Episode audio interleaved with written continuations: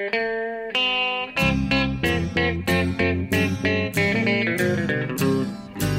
out there, we're on the air. It's hockey night tonight. Tension grows, the whistle blows, and the puck goes down the ice.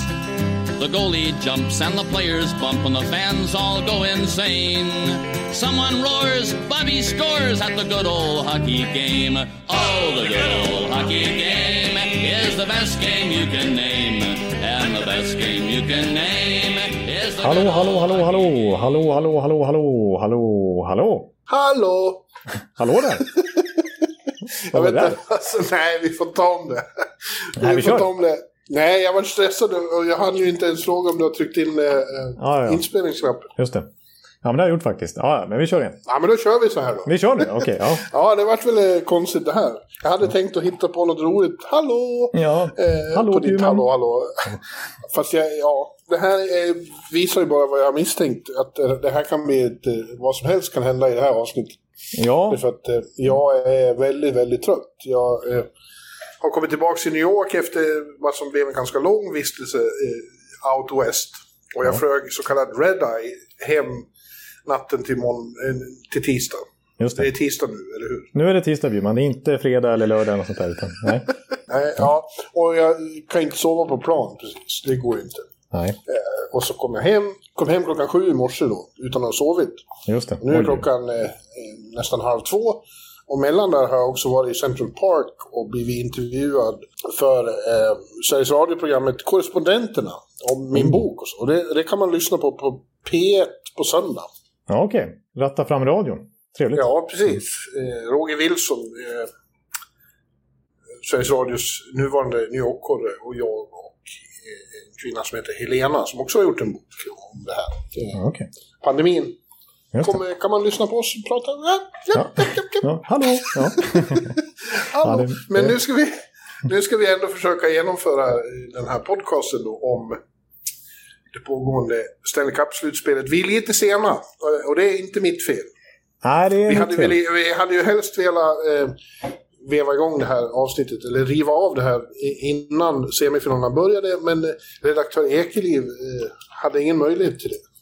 Nej, precis. Jag hade jobb under helgen och det var en ganska intensiv eh, sporthelg eh, EM-mässigt får man säga och en väldigt obehaglig lördagskväll att jobba eh, med Ja. vad som hände i Danmark där. Men eh, Ja, du, var, du var så kallad breaking, du var så kallad breaking-redaktör och hade eh, öppningshöjden på EM. Det smäller ganska högt på sportredaktion. ja, det, var, det var omtumlande får man säga. Jag kan erkänna att jag nästan varit lite eh, gramse ett tag där och sa att ja, då lägger vi ner det. Ja, exakt. För du tycker att det är, liksom, är det semifinal i NHL, då är det klart att NHL-podden ska liksom kliva fram och inte så här, nej, det får vi ta nästa vecka. Liksom, när det, men, ja, eh, precis. ja. Har du rätt i det? Det var, jo, egentligen tycker jag det, så det, det köper jag. jag. Jag lägger mig platt. Men samtidigt var det mycket i helgen som hände som sagt och jag var breaking-ansvarig där. Så att, men nu, nu har vi tid och det är det här jag gillar att göra mest. Sitta och, och snacka NHL med David. Yes. Samma här. Eh, Ja. Jag, jag kan offra flera nätter för att få vara med dig. det inte. Ja, Ja, du ser, det här håller på att spåra ur redan. ja. ja, ja, ja men det blir spännande Ja, avsnitt men-. Mm. När vi spelar in då så har eh, en match per semifinal spelats. Eh, och vi ska titta vad vi, ändå vad vi eh, tror om de här serierna. Vi har fått lite indikation nu då, men också om hur de blev till. Just det. Eh, och vi kan väl börja med den, vi börjar ju gärna i öst jämt. Det brukar bli så. Eh, och där har vi då alltså semifinallagen Tampa Bay Lightning och New York Islanders. Tampa lyckades eh, vinna fyra i rad mot eh, Carolina och vann därmed serien med 4-1. Och Mm. eh, New York Islanders, ja de vann väl också med 4-1. 4-2. Ja, vet du, 4-2, och 4-2. Där blandar ihop det lite, för det blev inte fyra raka segrar för Tampa, utan de torskade mitt i där. Så att, eh, Ja, okej, okej. Ja. Ja, de vann alla matcher i roll i alla fall. Det var väldigt imponerande. ja, det var det. Det är helt sant. De vann de två första och sen så vann de den femte också. Mm. Ja. Den Tampa-serien, det var väl... De där matcherna i roll var väl deras starkaste insatser i hela det här slutspelet. Ja, alltså både ja och nej. Jag tycker de två första egentligen inte var så där jättestarka Tampa-insatser. Nej, men den sista var väldigt bra. Den, den sista var väldigt stark och framförallt så i den serien så vet jag inte om jag någonsin har sett Andrei Vasilevski vara så bra som vad han var. Generellt sett i de här fem matcherna. Det var en de torskade där Ja, även den, båda, båda hemmamatcherna blev det visserligen en hel del mål, men de Raleigh-matcherna, då var ju Vasilevski så bra. Så att efter serien, alltså när Rod Brindamore skulle gå i skaka hand-kön där, så uh, han stannade upp vid Vasilevski och började liksom peka på honom så. Number one, number one. Och jämförde honom med Dominik Hasek till och med. ja, han till, och med, han till och med höjde honom över Hasek. Han sa att han hade inte sett någon så bra som sen Hasek. Men Hasek fick det att se svårt ut. Medan Vasi får det att se så lätt ut. Ja. Ja så det är hyfsat ord. Ja. Ja, men jag tycker nog överhuvudtaget att, jag vet att du aldrig är riktigt nöjd, men det är väldigt starkt att slå Carolina med 4-1. Du hade ju Carolina som finallag. Precis, det hade jag ju faktiskt. Eh, så att de åker ut med 4-1 i matcher i den andra rundan. Visserligen mot regerande mästarna. Det var ju en liten missräkning, men det är också ett styrkebesked från Tampa, det håller jag med om. 5 eh, mot 5 var det ju en mycket jämnare serie än 4-1 i matcher. Jag tyckte Carolina var väl så bra i 5 mot 5. Lite vassare underliggande siffror till och med och förde mer av spelet. Jag tyckte att de hade taktpinnen generellt sett i det spelmomentet. Men så fort det blev powerplay, då var det ju Tampa otroligt bra, så som vi har pratat om hela slutspelet. Det är alltså 41-procentigt som vi var inne på mycket förra veckan. Det jag vill lyfta fram också, när vi pratar special teams så pratar vi mest om powerplay. Men det lyfts nästan aldrig fram vilket bra boxplay Tampa har. Nej, det är sant. Det är sant. Det... Men, men den där 41-procentiga siffran i de två första omgångarna, den är ju liksom skrämmande. Det, det, finns ju inte. Nej, faktiskt. Det, det, är... det är uppemot... Det är nästan liksom varannat powerplay. Ja, precis. Och som jag var inne på förra veckan så är det ju mål var tredje minut i powerplay. Och det är... Ja. ja. Det är ju extremt bra. Jag sa att Carolina gjorde mål var nionde minut i snitt. Då, så det är ju väldigt stor skillnad. Och det har jag, där vill jag också då bara understryka igen här, eh, i och med att vi har pratat så mycket om powerplay. Tampas boxplay som 80-procentigt här i slutspelet är inte extremt bra, men det är klart godkänt. Eh, men generellt sett, alltså de hade fjärde bästa boxplay i grundserien, Tampa. De har under flera år haft ett bra boxplay.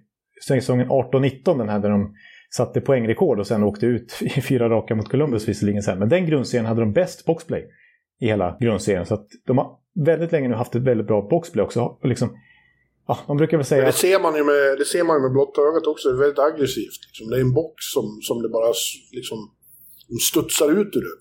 ja, precis. Men, men man brukar väl säga ungefär att för att det ska vara godkänt, för att man ska vara någorlunda nöjd, så, så vill man ha ett powerplay. Om man plussar på den procent man har i powerplay med sin boxplay-procent så vill man ju ligga runt 100 eller helst lite över 100. Liksom. Vi säger 20, 20% powerplay plus 80% boxplay blir 100 och helst lite högre än så. Och i Tampas fall i det här slutspelet så är det ja, 120 totalt blir det. Så att man är ju en väldig fördel i special teams. Så det är inte bara powerplay, det är även boxplay. Och de är väldigt bra på, inte bara i boxplay, utan i defensiven överhuvudtaget. Ett, ett moment som jag har tänkt på mycket under det här slutspelet, som jag diskuterade med Örebro-coachen Niklas Eriksson igår i sms. Ja. Eh, en stor skillnad på hockey idag för 20-25 år sedan, eller när Niklas spelar själv, ja. är, är, hur bra spelarna är med klubborna i defensiven. Alltså, ja. Det var ju inte så på 80-90-talet när man gick på hockey att, att det var så svårt att få fram pucken till kassen. De är, det är ju som att försöka få igenom den i, liksom i, i en skog av trimmade väderkvarnar. ja, jag håller med dig. Jag håller med dig. Och jag som inte var med på 80-talet och såg Gretzkys heydays, liksom, när jag ser highlights från hans tid, så storhetstid, så, så reagerar jag mycket på att han kan ju bara åka fram och skjuta slagskott ja. hur som helst. Liksom. Alltså det finns ju inte en chans att du kan gå och åka fram mot ett samlat försvar och skjuta ett slagskott. Då är klubborna direkt framme, eller du har inte den tiden liksom. Nej. Eh, och är det inte klubborna så täcker de, så det är också väldigt ett enormt skottäckande i det här slutspelet. Ja. Ja, så är det verkligen. Det är en bra poäng. Men just det där, det där är ett moment som verkligen har utvecklats, hur bra man är med klubborna i defensiv. Ja, ja det, och det blir liksom... Det blir fortfarande nästan bättre och bättre tycker jag. Ja, ja exakt, exakt. Det är väldigt sant. Ja. Eh, jag vet inte om vi ska gå in på Islanders nu eller om vi ska prata lite Carolina vars säsong är över då. Nej, vi behöver inte gå så djupt in på det. Jag tycker vi... Mm. Det viktiga nu är ju semifinalerna, men vi, vi bara konstaterar hur, hur serierna slutade. Och, och nej, du har ju rätt i att Carolina var... var de var ju bra. De förde mycket spel, men Tampa i den här serien framförallt, det, det, är den här kylan att de... De blir inte störda av att ligga under och de blir inte störda av någonting. Utan de, de kan ha svackor i matcherna, men de kommer tillbaks. Eller kunde åtminstone. Jaha, ja, vi får se hur det går här mot Islanders. Men, Ja. eh, ja, men jag håller med dig om det. Och det är lite det, kanske inte rent uttalat, men i under, vad säger man, undertonen från Sebastian Aho eh, här efteråt. Eh, direkt efter slutsignal, men också i exit-intervjuerna har det liksom, han var besviken. Alltså han, han förväntade sig, förväntade sig att de skulle ta nästa steg och deras mål var ju precis som jag tippade, att de skulle slåss om Stanley Cup hela vägen. ja. Eh, Men han sa att det här, men var, det- inget steg, det här var inget steg framåt. han. Nej, nej, men så kan man ju uppleva det. Och, och lika upplever ju Colorado det nu. Men, men det är så, det är svårt att känna när man precis har blivit utslagen, men det tar ju tid. Det är ju bara att titta på Tampa. De, deras storhetstid började väl egentligen 2015 och de var i en final. Men sen tog det väldigt lång tid innan de kom tillbaka. Och det var många false starts och, och det kändes just det där, vi tog inget steg vidare. Det, man får lov att bita ihop och, och vänta på sin tur. Ja, det är faktiskt så. Det var inte länge sedan Tampa hade choker-stämpel och vi pratar, om, pratar ju inte alls om det på samma sätt just nu utifrån hur det har sett ut senaste tiden. Eh, ja, vi får se. Jag, jag tycker att det är en spännande off-season i alla fall. De har framför sig Carolina och, och ett, en spännande uppgift som kom här precis innan vi spelade in podden egentligen. Det var ju att, eh, ja, att Doggy Hamilton från hans agent har fått tillåtelse från Carolina att diskutera med andra klubbar. Han är ju UFA och eh, de verkar ju verkligen fortsatt ligga långt ifrån varandra i kontraktsförhandlingarna. Vi har ju varit inne på tidigare att Hamilton ser ju sig själv som en riktigt, rikt, en av ligans bästa backar och ska ha betalt därefter. Alltså han såg att Pietrangelo fick ja, 9-10 miljoner nästan i, i Vegas och det är den summan han har ögonen på medan Carolina tycker att eh, du är en mer renodlad offensiv back. Vi jämför dig med Tore Krug ungefär 6 miljoner dollar. Så att det är ganska stor diskrepans där. Och det faktum att eh, Carolina låter honom nu, eller agenten då, eh, diskutera med andra klubbar redan nu är ju ett tecken som tydligt på att eh, hans dagar i Raleigh är räknade. Ja, ja det är såklart ett, ett tapp, men, eh, men får de bara behålla Rod Brindamore och, och Ja. så, så- så är ju det här ett lag med framtiden. Först, det, är, det är lite intressant att se det på det att några av de här lagen som har åkt ur är ju på väg åt fel håll, eh, åldersmässigt framförallt. Men det är ju inte Carolina och inte, inte Colorado heller. Nej. De har ju fortfarande framtiden för sig. Så det bo- borde inte vara någon panik där. Nej, jag håller, jag håller helt med dig. Och i Tampas fall, om jag jämför med dem igen, så, så man lär ju sig hela tiden. Liksom, så att det blir ju mer och mer Ja. erfaret lag det här, Carolina. Så de kommer ju vara bättre rustade nästa säsong när de hamnar i adversity och måste anpassa sig och justera lite grann. Så att, jag tror. De behöver... Nu var ju Ned väldigt bra, då, men, men eh, det går inte med Mrazek och, och Reimer längre. De måste eh, uppgradera där lite till. ja, de har alltså ingen målvakt under kontrakt eh, just nu eh, efter den här säsongen. Utan de får... Eh, de har blankt papper inför kommande säsong, men det känns ju som att Nedeljkovic är nummer ett. Det är han de ska satsa på. Sen kanske ta in någon ny backup då och gå vidare från Mrazek och Reimer. Det finns många bra målvakter på marknaden i sommar. Ja, det finns så många så det är ingen, det är ingen bra marknad för målvakterna. De är för många. Ja, faktiskt. Nej, det, nej, det är många där som kanske inte får det kontrakt de förväntar sig med tanke på konkurrensen. Och att det är flat cap fortfarande. Ja, precis. Ja, ja, men så eh, nämnde i förbigående där då Boston. De Mm. eh, åkte ur mot Islanders. Det var en svår missräkning för dem också. De hade också trott att, att eh, komma ännu längre. Eh, deras fönster är inte öppet för evigt heller. Även om en sån som Brad Marchand ju faktiskt bara blir bättre och bättre. Det sa vi, var vi inne på redan förra veckan. Och det fortsatte han ju bevisa efter det. Och Ja. deras klart bästa spelare. Ja, otrolig härförare för dem och kommer från sin poängmässigt sett bästa grundserie också. Slutar ju... Han vann ju typ poängligan i NHL om man tar bort de där två spelarna Edmonton, för han kom trea i Mm. poängligan i grundserien. Så att han, han är inget, han är, är man inget bekymrad för. Ja, det, det var ju inga, alltså de var ju rätt bra tycker jag. Och, och de fick ju, med Taylor Hall där så fick de bättre fart på, på andra kedjan. Problemet var att de mötte ett Islanders som är jävligt svårt att spela mot. Det är bara så. Ja, de är otroliga experter på att stänga ner motståndare och, och ställa frågor till dem som de måste besvara på något sätt. Man kan liksom inte... Spelar man sitt vanliga fick spel så vi- går man rakt in i deras fälla. Fick vi, fick vi den här fotbollsterminologin om att ställa frågor? Ja, det, det, det var ju... Jag jobbar för mycket med EM här, vet du nu. ja, Det märks. ja, Ja, det har jag aldrig riktigt eh, tycker jag låter lite fånigt faktiskt. Ja, jag ber om ursäkt faktiskt. Jag hörde själv vad jag sa och eh, jag är inte stolt. Nej. Nej, men de gjorde med, precis som du säger, de, de gör liksom ingenting utan de väntar på motståndarnas misstag och när, när de misstagen till slut kommer så är de väldigt opportunistiska. De, de utnyttjar ja. de få eh, misstag som begås. Ja, nej precis. Och det, ja, exakt, vi kommer komma in på det i Tampa-serien. Det var ju väldigt tydligt i, i den första matchen liksom, att man ja. inte får gå bort sig mot dem. Eh, och att Nej, men eh, jag är imponerad. Samtidigt så måste man, alltså när man pratar Islanders så är det ju mycket så här. Eh, de spelar tråkig hockey och lite defensivt och strukturerat och inte publikfriande och så här. Men samtidigt som vi var inne på förra veckan också då.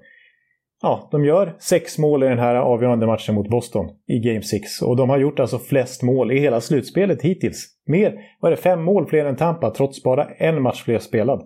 Eh, de har gjort, som jag var inne på förra veckan också, flest mål i NHL ja, eller i Stanley Cup, sen Barry Trotz tog över 2018 på de tre slutspelen som har varit. Så, att, så tråkiga kanske de inte är trots allt. Nej.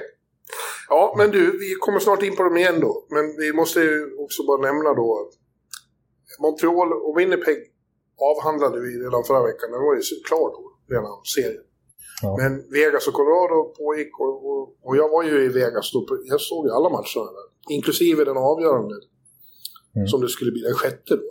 Då var det folkfest monumentale i Vegas ska jag tala om. Ja, det, det vet jag. Ja. Mm. Eh, och eh, ja, stora, starka och samtidigt snabba Vegas, eh, de åt upp Colorado till slut. De hade ju fyra raka matcher mot dem. Ja, ja det var... Det var märkligt alltså. Colorado, visst båda tog 82 poäng i grundserien och Colorado eh, vann dock President's Trophy. Eh, men, men att att det skulle bli så här att, att eh, Vegas i praktiken efter de här två förlusterna sveper Colorado. Ja. Man trodde inte Colorado kunde förlora fyra raka matcher. Nej, det trodde man inte. Men eh, det var ju vissa brister som, som eh, Vegas till slut eh, blottade där. Ja. Eh, det var ju lite samma som, som du nämnde där med Carolina. De, den där sjätte matchen till exempel, eh, då förde de ju spelet helt och hållet. De var ju liksom possession-laget där och med lite Freed så hade de ju eh, kunnat behålla ledningar lite längre och, och eh, inte släppt in psykologiskt betungande mål som de gjorde hela tiden. Nej. Men, men det var ju liksom framförallt eh, defensivt då, så var, man, man vill ju inte riktigt säga så eftersom man tycker så mycket om de här små backarna de har. Men de, några av dem var för små helt enkelt. Mot ja. de här jävla monstren från Vegas som ju är otäcka just på det sättet att de är både stora och väldigt snabba. Ja, Nej, men jag kan hålla med om det. Eh, en sån som Gerard såg inte kanonbra ut i den här serien. han exempel. hade den väldigt tungt i den sjätte matchen. Det var ju mm. framförallt han som liksom blev symbolen för det att det finns för lite eh, grit. De hade behövt eh, Eric Johnson som var skadad. Han hade nog behövts där. Ja. Ja, men jag, skillnaden med de här två lagen trots allt, alltså skillmässigt så är ju Colorado minst lika bra, men Vegas, dels grit som du är inne på, men överhuvudtaget lite mer cyniska. Alltså... Ja, verkligen. De ja. är fruktansvärt cyniska, elaka, uh, ingen pardon. Nej. Uh, och, och, det är ett skitsnackande lag också. De är inte omtyckta på det sättet. Nej, jag, jag tror att jag ska använda en term här som jag snor från Norge som jag har lärt mig det senaste året. Eh, jag har eh, fått kolla lite på en eh, hockeyserie faktiskt där som heter Iskrigarna som följer Vålerenga, laget i Oslo där. Det är lite så här NHL, de försöker likna lite NHL-stuk så här Road to Winter Classic fast ja, de följer helt enkelt Vålerenga under hela säsongen. Man får följa med bakom kulisserna vad de pratar och så. Och ett liksom, begrepp som har satt sig i det omklädningsrummet det är att man ska vara ni må vara kontrollerat sinnssyke allihop kontrollerat sin psyke ute på banan. Är... Kontrollerad psyksjuk, eller vad? Ja, precis. Alltså, du ska vara, du ska vara sinnssyk när du, när du åker ut. Men du må vara kontrollerat. Det är liksom, du, ska, du ska jobba stenhårt. Du ska vara så intensiv du bara kan. Men du får liksom inte gå bort det och tappa smartnessen i spelet. Utan det ska du ha kvar. Men samtidigt vara så intensiv du bara kan. Och det tycker jag att Vegas är lite grann. De är nästan sinnssyka ute på på, på isen. Men de är också så otroligt dedikerade till spelsystemet och liksom går väldigt sällan bort sig. Så att de har båda delarna som är svåra att kombinera. Just det här att bara köra 110% men samtidigt behålla kylan. Ja, ja eh, men de är också stora och starka liksom. Och, och de har två första kedjor i princip. Ja. Och varav den ena ju faktiskt fungerar som shutdown-kedja också i och med att eh, Chandler Stevenson är center där. Ja, och att Mark Stone kanske är ligans bästa defensiva forward. Nominerad till Selke här. Han är både och.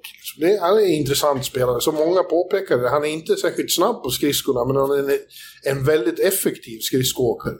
ja, faktiskt. Och jag ska inte tjata sönder om det, men jag tycker han nästan förkroppsligar det här med kontrollerat sincyk.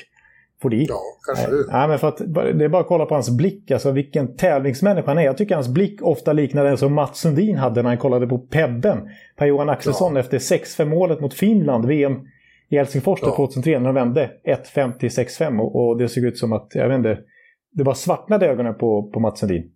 Ja. Eh, lite, lite så, så tycker jag att Mark Stone ser ut ofta ute på isen. Han, han... Som när han avgjorde Game 5 där. Ja. Han, ska egentligen, han ska egentligen inte vinna den duellen på grillorna, men han gör det ändå.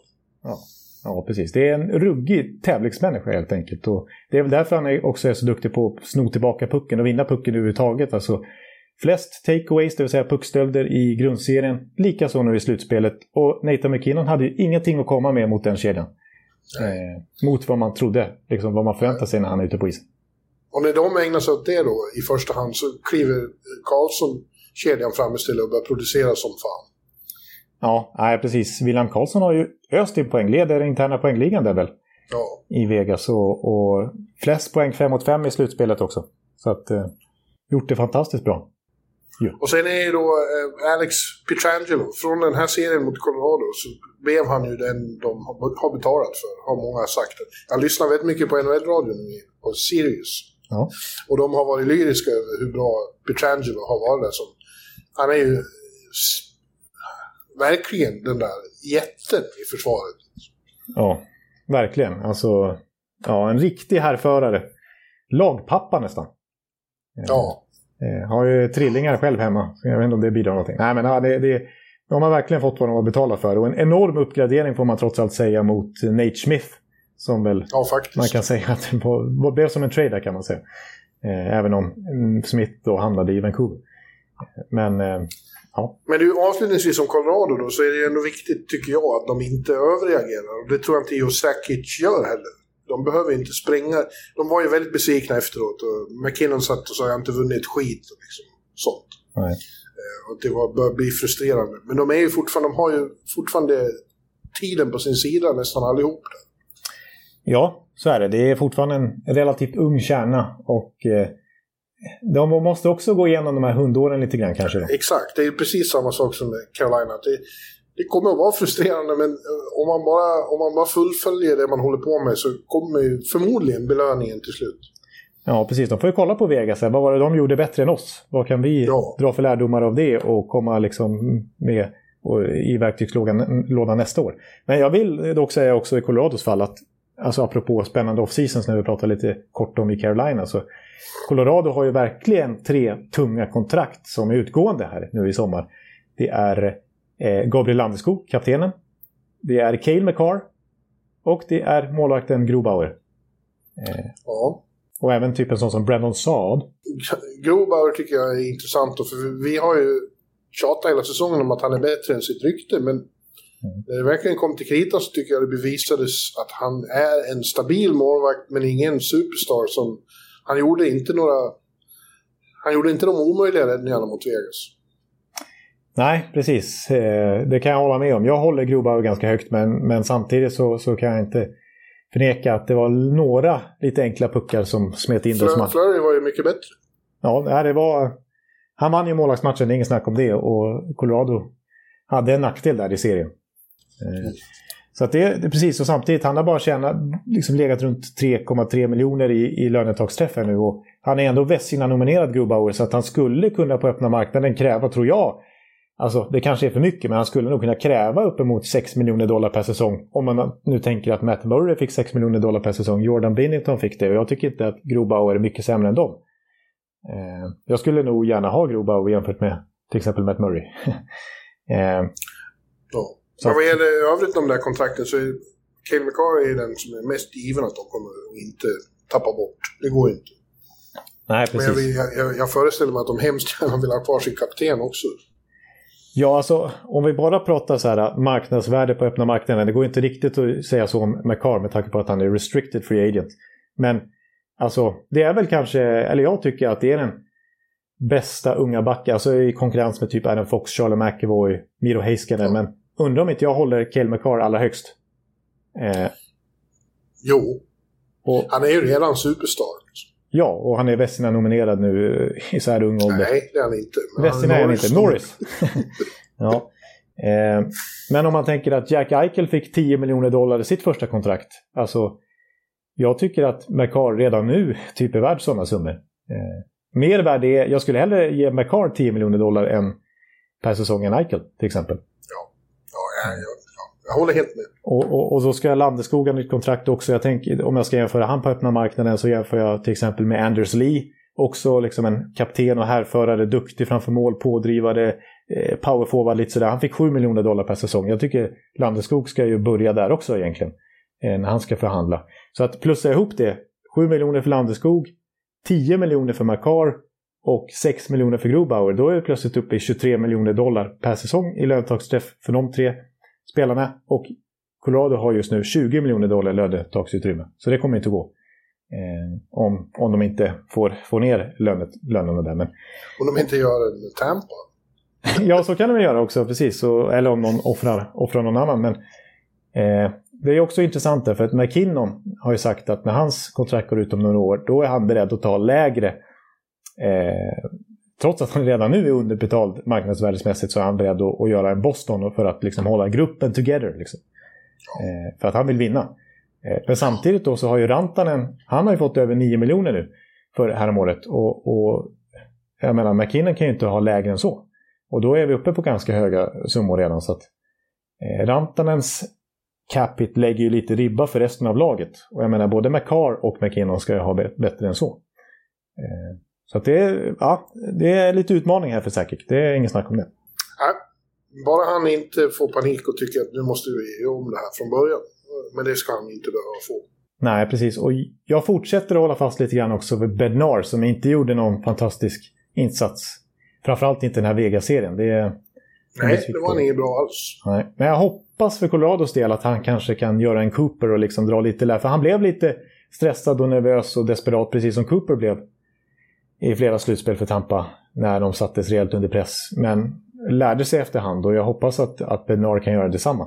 Eh, för att han, han borde ha han borde dra ganska mycket analyser av det här och utifrån hur De Boer utcoachade honom. Liksom. Så att Bednar faktiskt kan eh, ja, också dra lärdomar nästa gång. Ja. Cooper fick, eh, han fick, eh, vad heter det, man, man, man, man eh, slipa sina tänder mot, han fick ju framförallt slipa sina tänder i början mot Mike Babcock. Detroit var alltid bättre än Tampa i slutspelet där ett tag.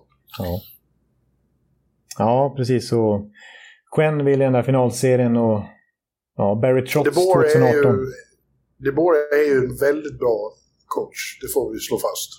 Ja, En av de bästa. Ja, absolut. men du, nu, nu tar vi och tittar på den här. Eh, det, nu struntar vi i det som har varit och Mm. tittar på det som händer. Ja. Och då har vi som sagt Tampa spelar ikväll sin första måste-match på hela säsongen, hävdar jag.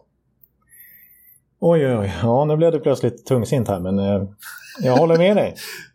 De, måste vi, de kan inte hamna i 2-0 underläge efter två hemmamatcher och sen åka upp hit till Colosseum. Där jag har fått eh, lyckats eh, utverka eh, akkreditering. Så jag är i, i ladan både torsdag och lördag. Och eventuell sjätte match. Oj, oj, oj, Jonathan. Vilket drag det kommer att bli. Ja, så vi kan konstatera det. det. Det finns... Alltså det har varit bra drag på flera läktare i det här slutspelet nu när det börjar släppas in publik rejält här och var. Men eh, det finns nog... Alltså det är två som sticker ut och det är Vegas där du har varit och det är Colosseum dit du ska. Och Ja. jag tror nog inte att det finns en, en svårare arena för ett bortalag att komma till än Colosseum. Nej, det finns de ställen där det blir gladare stämning på, som Vegas och, och Nashville. Mer liksom partaj. Men det finns ingenstans där det är så fientligt. Eh, det, vi- vi pratade om det förra veckan, det här rytandet. Ja. Som blir som en jävla storm i ansiktet på de som kommer dit. Det måste vara lite skrämmande. Det är, man får nästan... Ja, det, det, ja. Nej, jag skulle, mitt svaga psyke skulle inte klara det. Vet, jag skulle ligga en pöl ute i hörnet. Jag tror nu dessutom att det får vara helt full, full arena. Idag gick ju eh, vår guvernör ut för bara några timmar sedan här så är vi nu uppe i 70 procent eh, vaccinering av vuxna i New York. Och därmed lyfts alla eh, eh restriktioner, eh, alla covid-restriktioner är lyfta i New York as of now.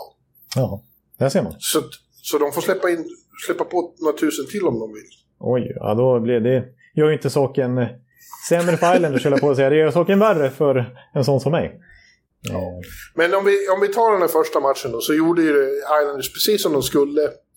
Eh, och var väldigt bra. Men Tampa var ju inte eh, på, i, sitt bästa skick. Och det händer ju att de gör enstaka matcher när de, när de inte kommer upp i normal nivå. Det brukar ju då innebära att nästa match är de väldigt bra. Precis. I sådana matcher när de inte kommer upp helt i nivå så brukar de kanske räddas av sitt powerplay. Men de fick ju knappt några powerplay mot Islanders. New York Saints. Så fortsätter att vara väldigt disciplinerade. Eh, jag väljer att se det så. De är faktiskt disciplinerade. Jag ska inte vara någon Bruce Cassidy här och skylla på domarna. För det fanns ingen anledning i den första matchen. Nej. Eh, det, är men, ju, eh, det är ju väldigt klokt och smart att inte ta utvisningar. Framförallt mot Tampa. Precis. Så att, eh, och, och det tycker jag är... Det måste jag verkligen jämföra de här två lagen. Eh, nu är det lite siffror här igen då. För har, vi har ju faktiskt redan sedan Florida-serien gnällt lite grann på Tampas 5 mot 5-spel. Att de har lite svårt att faktiskt föra spelet där. Så jag, jag var tvungen att kolla här på... Alltså kollar man på poängligan rent krasst, bara liksom vanliga poängligan.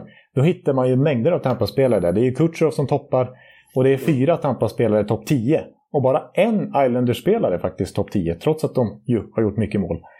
Eh, men kolla, nu valde jag att bara ta bort alla powerplay-poäng. Bara räkna 5 mot 5 poäng i det här slutspelet och få en poängliga då. Var då jag alltså hittade William Karlsson högst upp.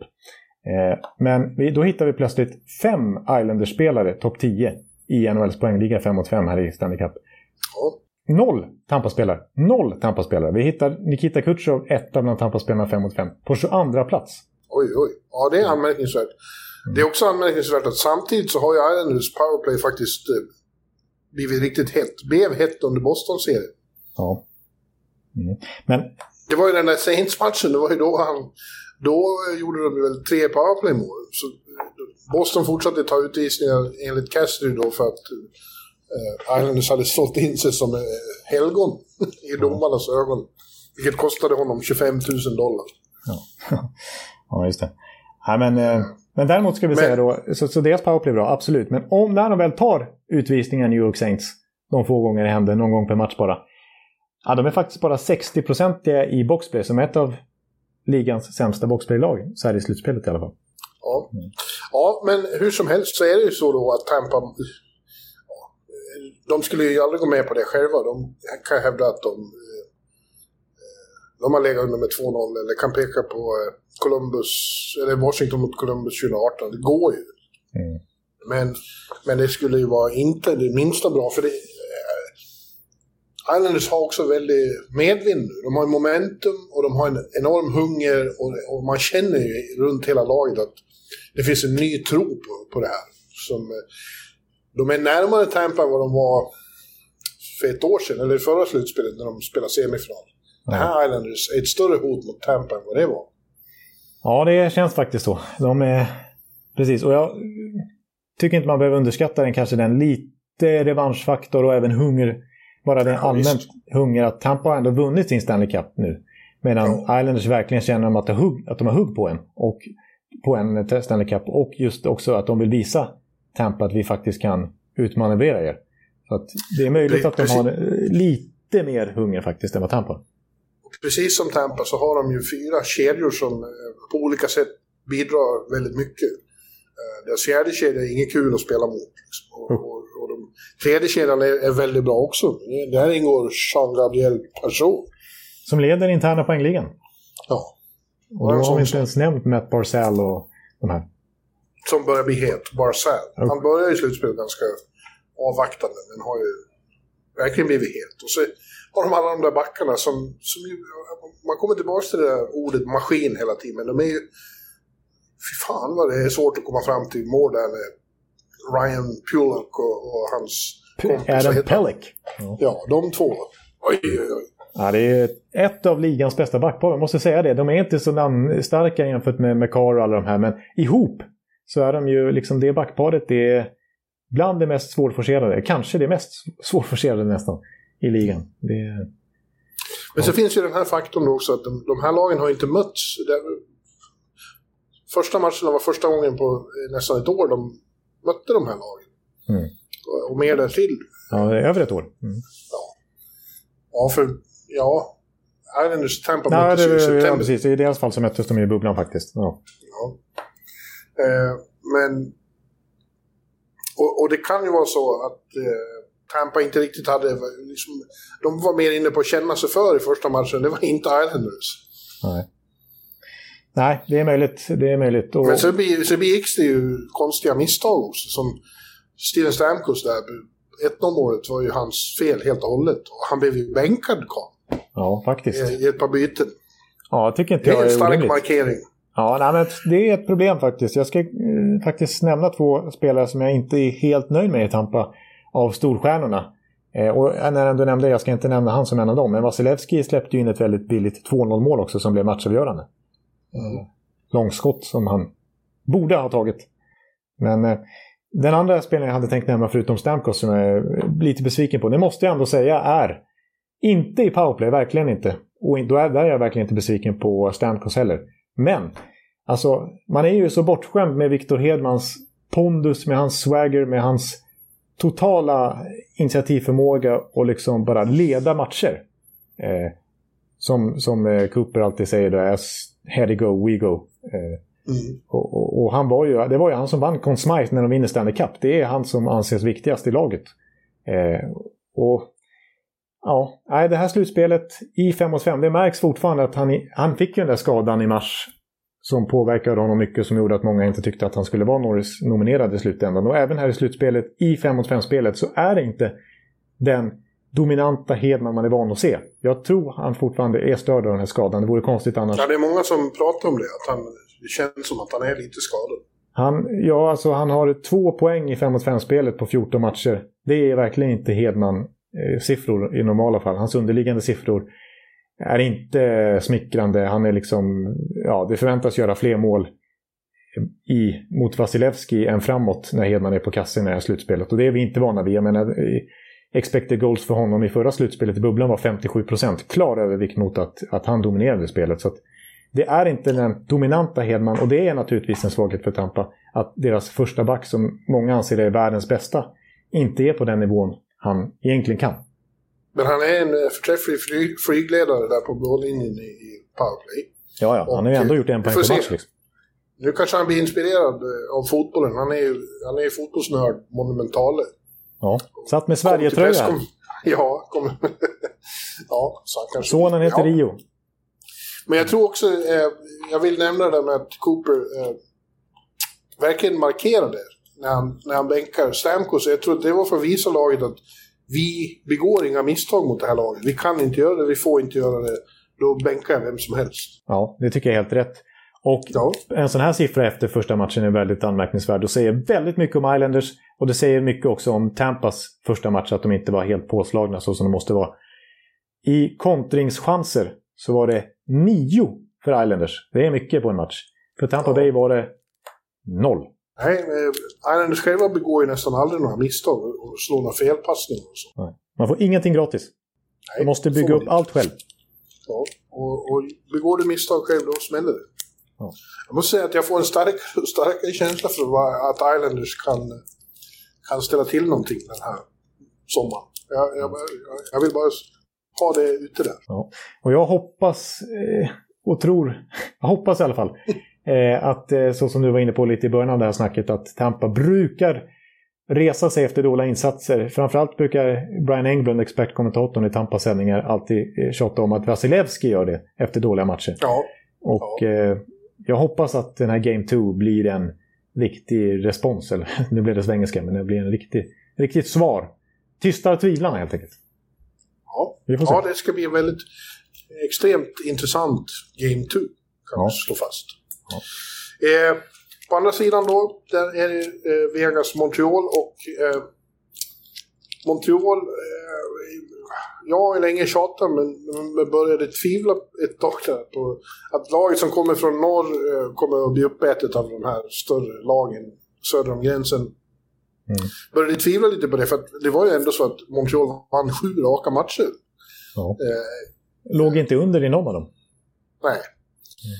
Men första matchen igår då, i T-Mobile, såg väl ut som vi hade sagt på, för några veckor sedan att eh, ja, det var ju klasskillnad faktiskt. Jag tyckte Vegas var... Jag satt i en hotell, eller i en flygplatsbar innan jag flög och såg den där matchen. Mm. Ja, och det var ingen hård koncentration då. Det var ju, jag satt ju i Vegas på flygplatsen. Det var ju liksom fans där. Ja. eh, så, men, men nog kändes det så. Att Vegas var numret större helt enkelt. Att det var USA-hockey mot Kanada-hockey eh, den här säsongen.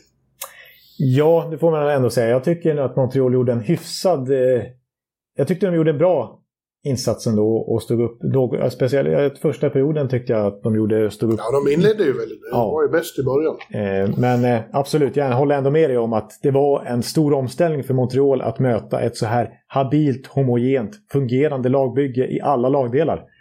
Eh, och cyniskt, som du... Och cyniskt dessutom. Alltså, de har mött nu ett eh, Winnipeg där Scheifel gjorde bort sig direkt, där man inte har ett speciellt bra försvar ja, liksom backuppsättning och så vidare. Och de mötte Toronto som ju chokade ihop totalt och blev jättesköra, som vanligt ju. Eh, medan nu möter de ett Vegas med enormt uppumpat självförtroende, med en het målvakt, med Pietrangelo, med Mark Stone, med liksom William Karlsson, med liksom allt. Ja, och den här cynismen dessutom. De möter ett, ett helt fungerande lag. Och det har de inte mött på hela säsongen skulle jag säga. Nej, och, och, och Philippe Danot kan inte stänga ner tre kedjor. Nej, nej, precis. För det är ju så. De har ju också en tredje kedja som är effektiv där med, med Janmark och, och Alex... Eh, tack. Heter han? Tack. Tack, tack. Tack då. ja. Eh. Fjärdekedjan gjorde ju faktiskt eh, två ja. mål i den här sista matchen mot Colorado ja. också. Till och med den fungerar också. Med Cole, Keegan Colasar och Carrier och så är det ju han, eh, ja, vår vän, eller på att säga. Nej, inte vår vän. Han som jag har sågat i det här slutspelet, Ryan Reeves. Och så är det backarna då. Eh, vi har redan pratat om Pietrangelo, men, men eh, eh, Alec Martinez och, och, vad heter han? Ja, Shea Theodore. Theodore. Ja. Alltså hans uh, uppvisning i första matchen mot Montreal, den här skottfinten, det är bland det, det, är bland det värsta jag sett i, i avdelningen skottfinter. Han ställer ja. hela, hela isen. Ja, han tar ju på ett skott, men sen gör han inte det utan passar i alla fall. Då har Martinez öppen kasse. Alltså Carey Price, självaste Carey Price, han toksätter sig ner och, och går på det där. Och, och, det är folk som kastar sig för att täcka ja. och skott. Men så bara passar han istället och så är det öppen, öppen kasse. Vilken jävla rackare!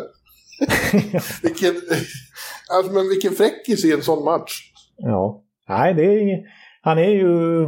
Han är ju en av NHLs absolut bästa offensiva backar och han har varit det nu ett par år. Det snackas inte tillräckligt mycket om Shea Theodore. Vi har pratat om honom en hel del i podden och vi nämnde honom som en av NHLs mest underskattade spelare tidigare under säsongen.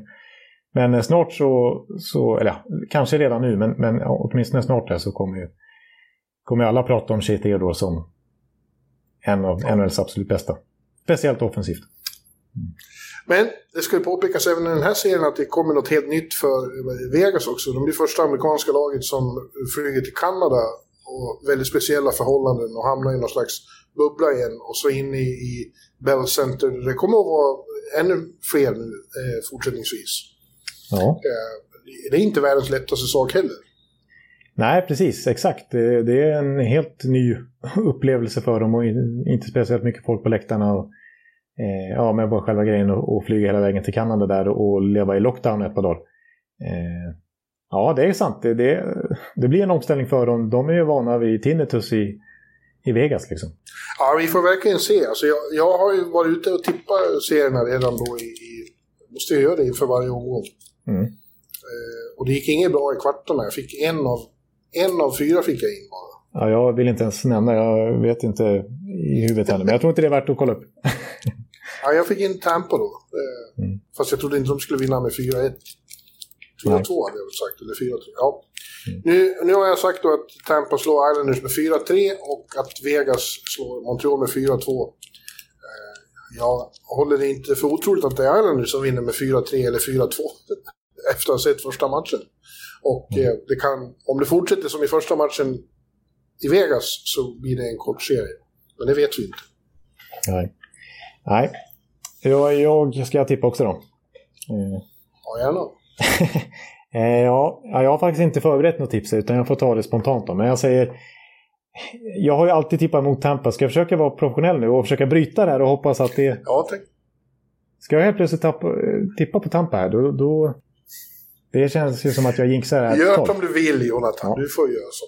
Nej, men då säger jag... Eh, jag säger 4-3 Islanders. Jag vägrar att tippa på Ni, ni får tycka vad, vad ni vill om mig här. Men, men jag, jag måste tänka på mig själv och mitt välmående och att Tampa ska försöka gå långt där. Jag måste göra det. Eh, hallå, hallå, hallå! Ja, hallå! Ja.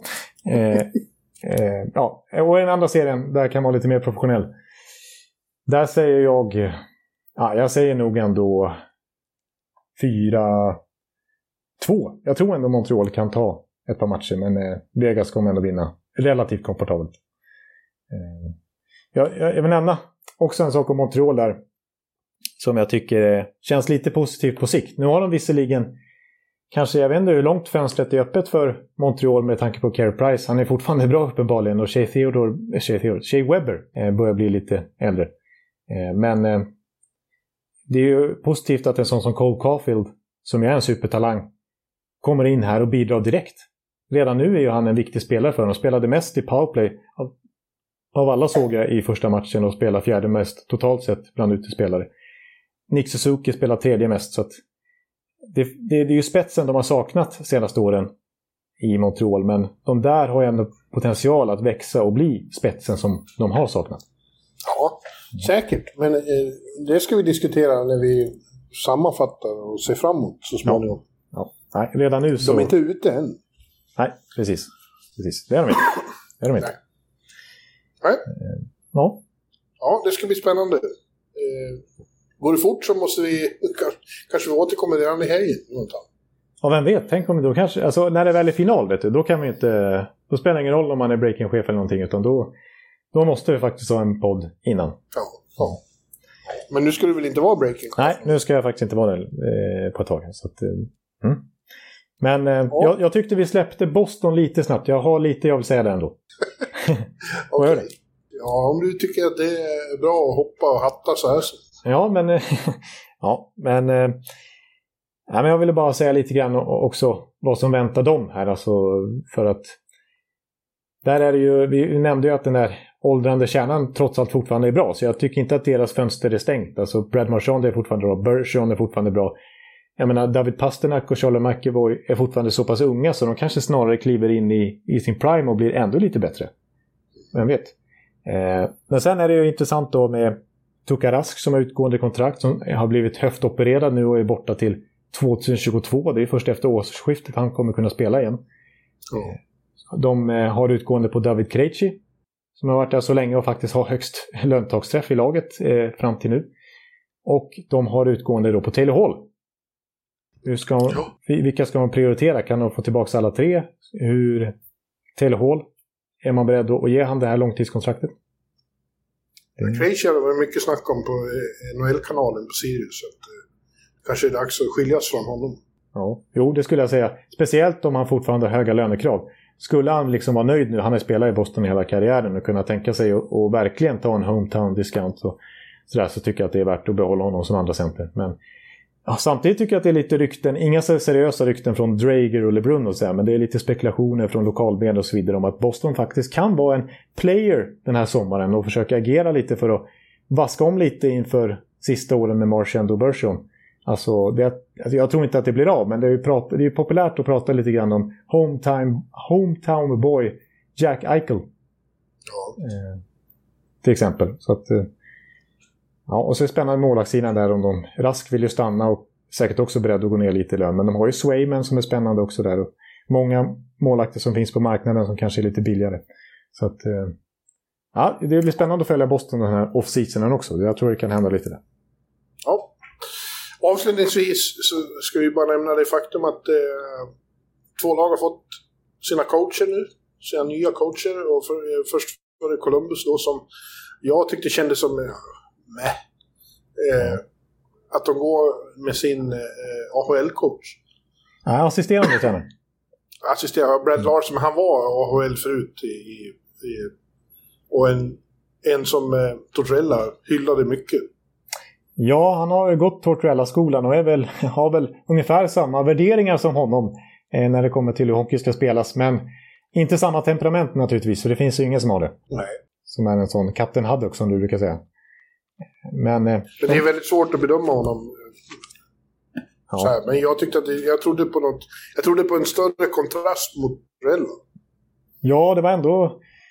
De intervjuade Galant, man förstår ju att Galant hellre vill till Rangers då. Men eh, de intervjuade honom, de intervjuade Tocket, de intervjuade faktiskt David Quinn.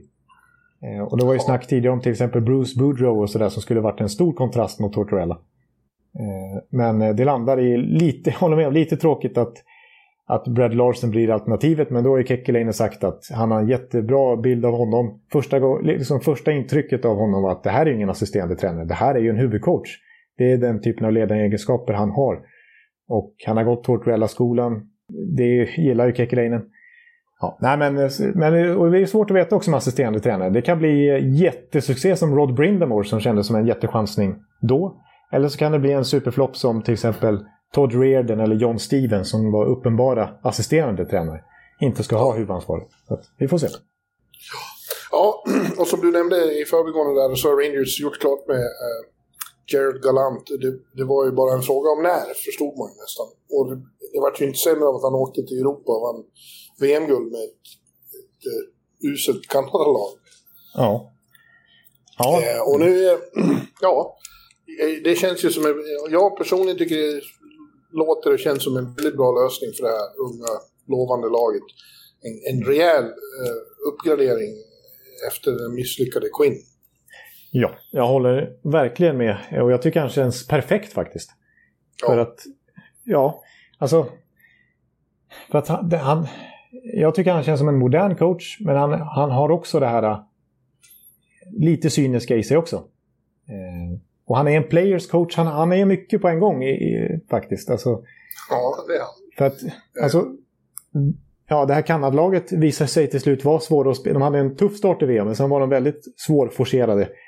Och, och började producera framåt också. Och Vegas, mot alla odds, gick till final där 2018. De var ju de- de var ju faktiskt ganska underhållande att se på, men framförallt så var de ju mittzonskrigare monumentala. Alltså de stängde ju verkligen ner mittzonen för motståndarna.